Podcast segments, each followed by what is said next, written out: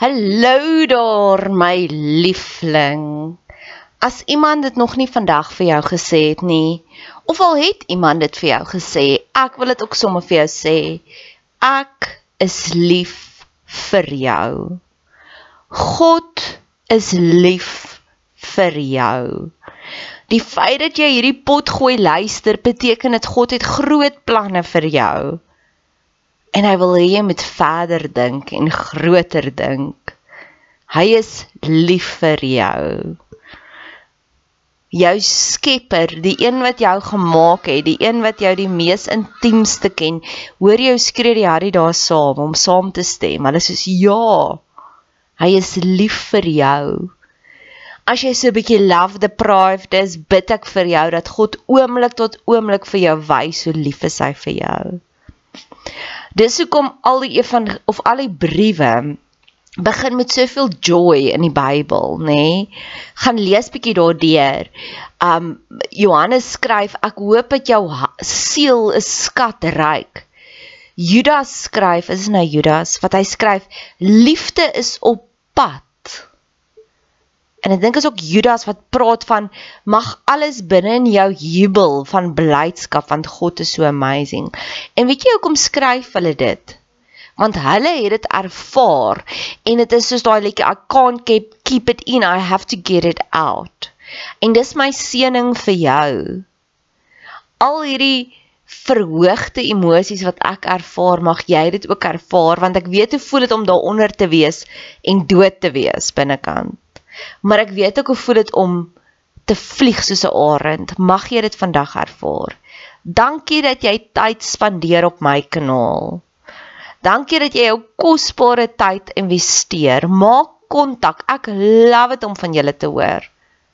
Niks gee vir my soveel joy soos om te sê 'n boodskap neem. Ek is op al die platforms, Instagram, Facebook. Stuur vir my 'n Facebook boodskap, Bet Seber en ek stuur sommer vir jou my selfoonnommer. Laastens, as jy wil betrokke raak, asseblief doen. Ek het altyd hulp nodig. Hulp nodig aan bemarking, hulp nodig as jy van jou tyd wil investeer in koninkrykswerk. Jy hoef nie net pannekoeke te bak by die kerk bazaar om koninkrykswerk te doen. Jy hoef nie net soos jy Jehovah getuies gaan klop aan deur om te sê wil jy deel word nie. Daar's soveel meer maniere. Geniet die podcast. Dis 3 minute. As jy as jy dit een keer geluister het en jy wil dit elke keer forward, ek gaan jou eer 3 minute. Okay, die groeie deurgerigte holrig geryde 5 6 fases van rou, want ons moet hieroor praat. Nie moet nie. Weereens, ek is baie brutaal. Dis so goed as die mamma wat vir haar dogtertjie en ek weet sorry, my goeie Kalinin vriend. Kom jy het 'n dogter, so jy weet ook hierdie gaan ook vir jou sin maak. Dis so goed soos die mamma wat vir die dogter vertel waar kom babatjies vandaan en die een of ander stadium verduidelik sy vir haar eendag as jy 'n broekie aftrek gaan daar 'n paar kolletjies bloed daar wees. Moenie skrik nie. Mamma's got you hierdie is wat gaan gebeur. En dis so ek dieselfde sien met rou. Ons moet daaroor praat. Want die oomblik wanneer dit gaan gebeur en ek kan vir jou waarborg, dit gaan gebeur. Kan jy sê, "O ja, I'm not dying. I'm just growing up." Die een eerste een is ontkenning, denial. Ons voel dit in daai eerste oomblik. Wag, voordat ek aangaan. Rou is nie 'n stappie vir stappie nie. Dis nie 'n roadtrip van Pretoria af Kaapstad toe nie. Dis nie jy gaan eers deur Centurion ry, dan deur Johannesburg, dan Bloemfontein. Nee. Rou is all over the show. So jy kan eendag baie van hierdie voel en niks van dit nie. Dis nie jy gaan nie net een keer deur elke fase nie jy gaan soos 'n roller coaster op en af en deur en weer en deur mekaar en en dis ook okay. Dit beteken nie daar's iets fout met jou nie. Dit beteken nie jy moet antidepressante kry nie. Dit beteken nie asseblief nie. ja verhoudings beëindig nie. Want dis een van daai goed wat ons baie geneig is om te doen. Okay. Die heel eerste vlak is denial. Ontkenning. Dit gebeur, dis die heel eerste van vlakkie wat jy doen. Jy kry daai nuus. Oh, nee, dit is nie so nie. Nee, ek kan dit nie glo nie. Nee, nee, nee. Jou gedagtes begin hierdie pragtige Jedi mind tricks met jouself te speel. Ek kan nie glo nee, dit is net 'n droom. Ek gaan môre wakker word en agterkom is alles verby. Nee, nee, nee. Iemand gaan my nou bel en sê nee, dit en dat. Daai is die eerste deel van denial. Maar daai tipe van denial fade baie vinnig. En dis hoekom ons begrafnisse het, want al ons sintuie moet al daai inneem om te prosesseer die persoon is weg. En dis hoekom ek so lief is vir begrafnisse. Ek dink begrafnisse is een van die mooiste seremonies wat ons kan doen.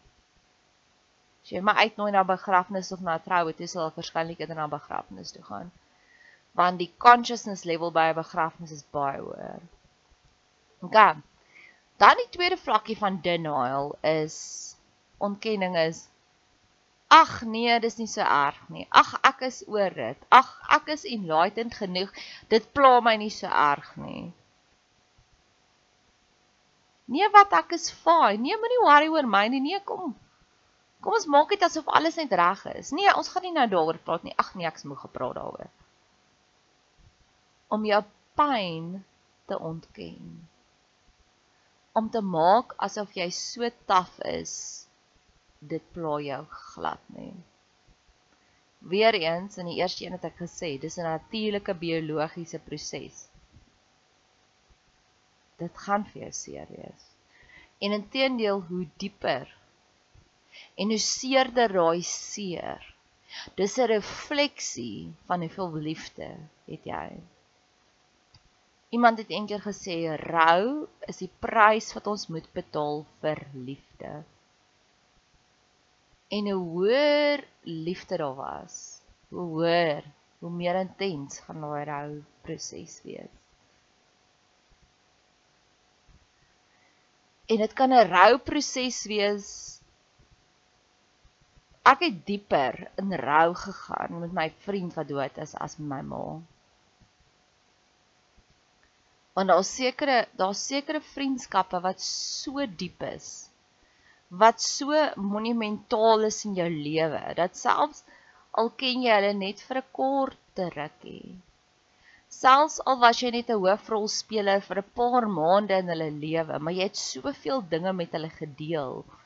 Daai persoon het so 'n groot rol in jou lewe gespeel dat jy kan waarskynlik dieper in rou gaan oor daai persoon as iemand anders wat klassiek 'n groter rouproses moes hê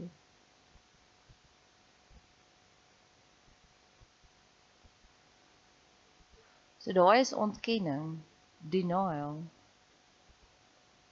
Die volgende een is negotiations of bargaining. Nou, daar is ook 'n initiële fase en dan kom daar 'n langtermynfase. Asof ons ooit enigsins kan onderhandel met ons destiny. En dis die lesie wat jy hieruit moet leer. Ek glo dis die 5% invloed lesie. Ek wil sommer daarmee begin. God het besluit die Israeliete gaan in Kanaan opeindig. Hulle was moeilik. Hulle wou nie, hulle was nie lus nie, hulle het nie. Hulle het alles probeer om daarteen te skop. En weet jy wat? Surprise, surprise. Hulle het in Kanaan opgeëindig. Die enigste verskil was net dit was 40 jaar later, maar 40 jaar later in God se tydsruimwerk is een dag soos 1000 jaar en 1000 jaar is soos een dag. Verstaan jy? Die punt van die saak is maar go for it. Daai onderhandelings onthou. Jakob het met God geonderhandel of met God geworstel. En toe het God sy naam verander. God sê in die begin van Jesaja, kom, kom ons stry hieroor hierdie onderhandelings, hierdie negotiations, hierdie stryery, hierdie konflik. Dis alles 'n uitnodiging van God af om te sê, "Koei, ek mis jou. Kom en ek en jy praat hieroor. So die eerste onderhandelings is daardie veral as dit 'n ongeluk was. Ja, as ek net nie gehad het, as ek net saam met hom gery het, dalk was hy nog steeds hier. As ek net dit gedoen het, as ek dalk net dit gekyk het, dalk was hy nog steeds hier. Dis 5% verandering. Dit sou in elk geval gebeur het. Die Israeliete het in elk geval in Kanaan aangekom. Jy is nie groter as God of as die duiwel nie dit sou gebeur het. Die streepie was getrek en of dit nou was in 'n ongeluk en of dit nou was in in 'n wiegie dood wat die persoon het opgehou asemhaal het, dit sou gebeur het. Maar die dieper onderhandelings kom later. Dis daai verwyte. Het daai persoon geweet ek was lief vir haar? Het ek dit genoeg vir haar gesê? Moes ek dit eerder vir haar gekoop het? elke keer as jy in die sparring loop en jy loop verby die persoon by croissants en jy weet croissants was hulle favourite en jy sê as die as die persoon nog hier was sou ek soveel meer croissants koop. By dak moes ek meer croissants koop het. Dis alles uitnodigings van God af. Dis alles triggers om jou nader te trek aan God. Go for it. Hê daai onderhandelings. As ek dit, as ek dit En dan sê jy, Here, help my. Gee my hart gerusstelling in hierdie oomblik. Kom comfort my hart in hierdie oomblik. Dan is daar ook 'n fase woede. Ja, jy kan net skielik as jy dadelik in survival mode en dinge wat jy van te nooit van tevore gepraat of geïrriteer het nie, irriteer jou oneindig baie. Dis ook 'n goeie proses. Dis 'n spring cleaning proses. Partykeer gaan ons deur moeilike tye om te besef ja, ek het hierdie ding getolereer, maar eintlik wil ek dit nie meer tolereer nie. Ek wil nie meer saam speel. Dis kom ek nou net so gelag het om te sê moenie verhoudings oorhaastig beëindig nie. Dis op hierdie punt waar professionele hulp partykeer nogals goed is of selfs net 'n goeie solid non-grieving persoon om mee te klank Voordat jy oorhaastige besluite maak. Daar's 'n ding in die Bybel in Deuteronomium wat God sê, as jy trou, vat 'n jaar af, moet niks anders doen nie, fokus net op daai troue. Met ander woorde, alle besluite wat jy dan gaan neem in 'n ander consciousness level of dit nou verliefdheid is en of dit nou rou is, dit kan dalk moontlik nie goed wees vir jou nie. So leef jou emosies uit. Moenie daai daai woede onderdruk nie. Gooi iets stukkend. Gaan slaan 'n paar golfballe. Woed dit uit jou stelsel uit want dit is daai is jou rocket fuel. Daai maak dat jy daai holy anger kry om jou lewe reg te ruk, om dinge weer reg te kry. Dis soos 'n clean slate basies maar wees versigtig vir hom. Wees versigtig om dinge te doen wat permanente skade kan wees.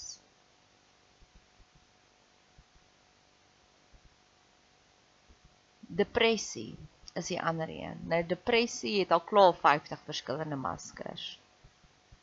Maar die basiese beginsel wat ek voel met depressie is rou maak flou ek dink eintlik hulle moet dit verander dan meer net 'n verlaagde energievlak. 'n verlaagde pyndrempel. Jy gaan deur tye kom wat jy so flou is, wat jy so moeg is, wat jy nie energie het om daai gras te gaan sny nie, want weet jy wat? God wil hê jy moet in sy arms gaan lê.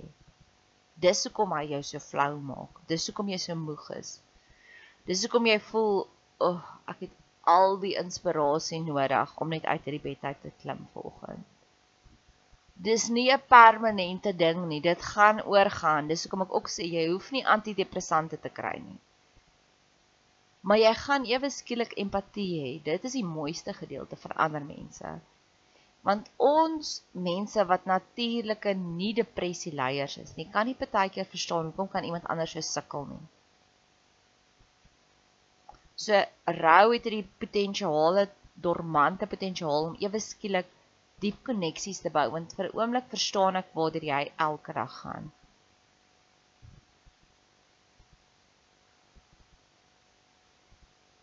En dan die ander fase, die 5de fase, maar weer eens, dis nie dit is nie dis 'n sporadiese proses. Die een dag as jy hier, die volgende dag as jy daar. Dis nie kronologies van A gaan B na C van graad 1, graad 2, graad 3 nie. Nee. Is aanvaarding. Jy gaan hierdie oomblikke kry van ek's okay. Ek kan hierdie doen. En dan die volgende oomblik kan daai woede bykom of die volgende oomblik kan daai depressie kom en jy kan vir 3 dae lank net huil. En dan die volgende dag kan jy dalk 2 ure voel. Dis okay, die son skyn weer, die voeltjies sing weer. Ek weet God is nog steeds op die troon. En mag jy mense rondom jou vir daai genade spasie ook skep van ek weet ek het gister gesê ek's okay en ek weet ek het gister gesê ja ons kan vandag gaan draf.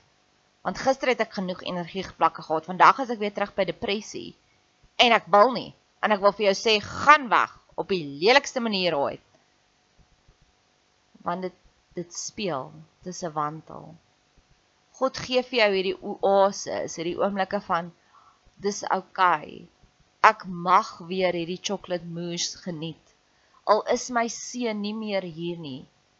En alhoewel ek weet chocolate mousse is altyd sy gunsteling, ek gaan vir die res van my lewe daaraan dink as ek 'n happy chocolate mousse in my mond druk. En gister kon ek chocolate mousse eet sonder om te huil, maar vandag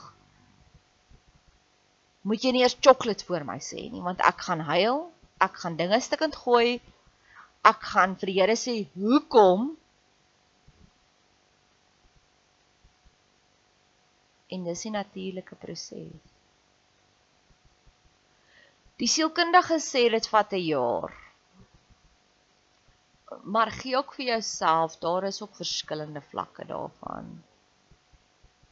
Weereens, ek gebruik my ma, my vriend se baie en dit was letterlik, dit was regtig net, dit was my een van my vriendinne se mans. En ehm um, so dit was nie eers soos 'n close intimate vriende vriend nie. En intedeel hoor gaga my bargaining wat ek gedoen het. Ek het omtrent vir 'n jaar lank het ek geweier om enige nuwe mense in my lewe toe te laat want toe sê ek want toe voel ek as ek weer deur hierdie pyn moet gaan om iemand te verloor, dis net te veel. Nee, minimaliseer die pyn. En dis ook okay. Wat jy so probeer bargain, negotiate. Weereens dis waar die 5% reël inkom. Geen nie om wat ons doen hier, dit gaan gebeur. Maar terug by die 'n jaar. Daar gaan 'n stadium kom wat jou oomblikke van dis oukei okay, begin baie meer te raak en begin die oorheersende tema te raak in jou lewe. En dan weet jy jou intense rouproses is waarskynlik nou verby. Dit maak nie dat dit gaan ewe skielik net weggaan nie. Daai pyn gaan nooit weggaan nie daai verlange gaan nooit weg nie, maar dit oorheers nie meer nie. Dit is daar. Dis 'n 10% in jou lewe of 'n 15%. Jy kan kies hoe groot dit in jou lewe kan wees.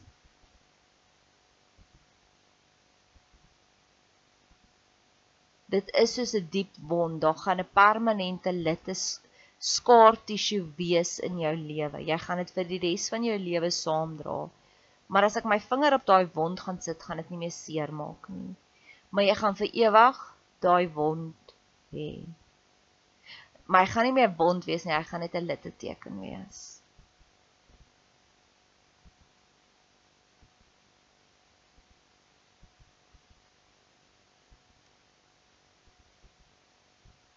Daar is verskillende fases. My ma het vir langkanker gehad. So ek het geweet dit gaan gebeur. So myne was so 7 maande. Maar met my vriendin, dit was onverwags. Ons het nog planne gehad om die volgende week slakke saam te maak met blou kaas. En dit was 'n baie langer, minder intens rou, maar langer. As ek sê minder intens, menende met my ma se was daar oomblikke omtrent vir 3 maande na die tyd wat ek Ek het by Gallagher Estate toe gewerk en hier rondom middagete en dit het geen tydsverwant gehad nie. Sy's laat die aand dood. Het ek net soos op 'n stadium gevoel ek crash nou. Ek gaan nou net huil. En ek het 'n wonderlike kollega gehad en Gallagher het in die middel, ek weet nie of dit hulle nog steeds net hulle waterval gehad. So mooi. Ek meen wie wie wie werk in 'n woud? En dan het ek vir my kollega gesê, "Christa, Christa, ek gaan 'n bietjie by die waterval sit." En Partykeer het ek daar gesit vir 'n uur lank en gehuil, en ander kere was dit 10 minute. Maar ek het nooit daai time-outs oorweldigende oomblik gehad met my vriend nie. Maar omdat dit onverwags was, was dit was die rou periode wat ek rou gevoel het. Dis hoekom ons dit rou noem. Daai wond is rou. Sit jou vinger daarop en hy seer. Kinders wat oorlede is en die ouers oorleef hulle vat baie langer. Dit daai is 'n given feit want dit is nie dis teen ons biologiese planne vir onsself. Ons almal het hierdie onderbewuslike planne van hiersoos hoe dit moet gebeur. En as iets soos dit kom 'n rou van dit wat ons nie verwag het nie. Of dit nou peer is soos my vriend ek het verwag ons gaan nog almal saam op huis Harspaar se stoep sit en um kaart speel as ons 80 is. Dit vat langer. My een vriendin se broer is oorlede en haar ma is vermoor. En haar pa se lank daarna gesê die broer se het baie langer gevat om om oor te kom want dit is buite ons biologiese raamwerk.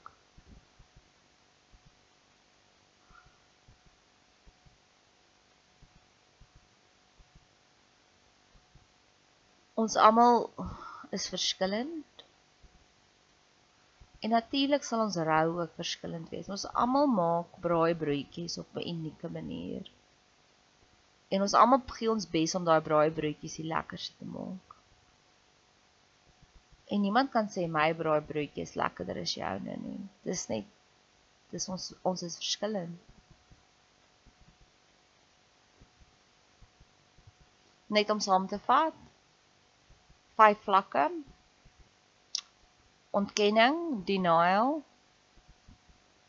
Daai eerste oomblikke as wel as later ag nee, as jy so erg nie, ek is oor dit. Onderhandeling, as ek maar net dit as ek maar net nog een keer vir haar 'n bosblomme gevat het. Depressie en al sy verskillende fases daarvan, woede en aanvaarding. So 'n kantnoot, al partykeer vra mense vir my watse tipe geskenkies wil ek hê. So ek wil net graag hierdie volgende by jou submit. Indien my podcast enigsins vir jou lekker is, is jy baie welkom om vir my 'n boodskap te stuur. Jy kan my vind op op Facebook Betseber, op Instagram Betseber, B E T S E B E R. En ek sal met liefde as jy wil my bederf, sal ek met die grootste liefde vir jou details gee. Dan kan jy vir my koffie koop en dan doen ek 'n shout-out vir jou dalk kan jy vir my vir my haarkapper 'n geldjie inbetaal, dan gaan doen ek my hare en dan kan ek sê dankie vir jou. Ek hou van praktiese geskenkies. As jy gelei word om dalk as een van my advies dalk vir jou jou lewe makliker gemaak het, raak deel, raak betrokke.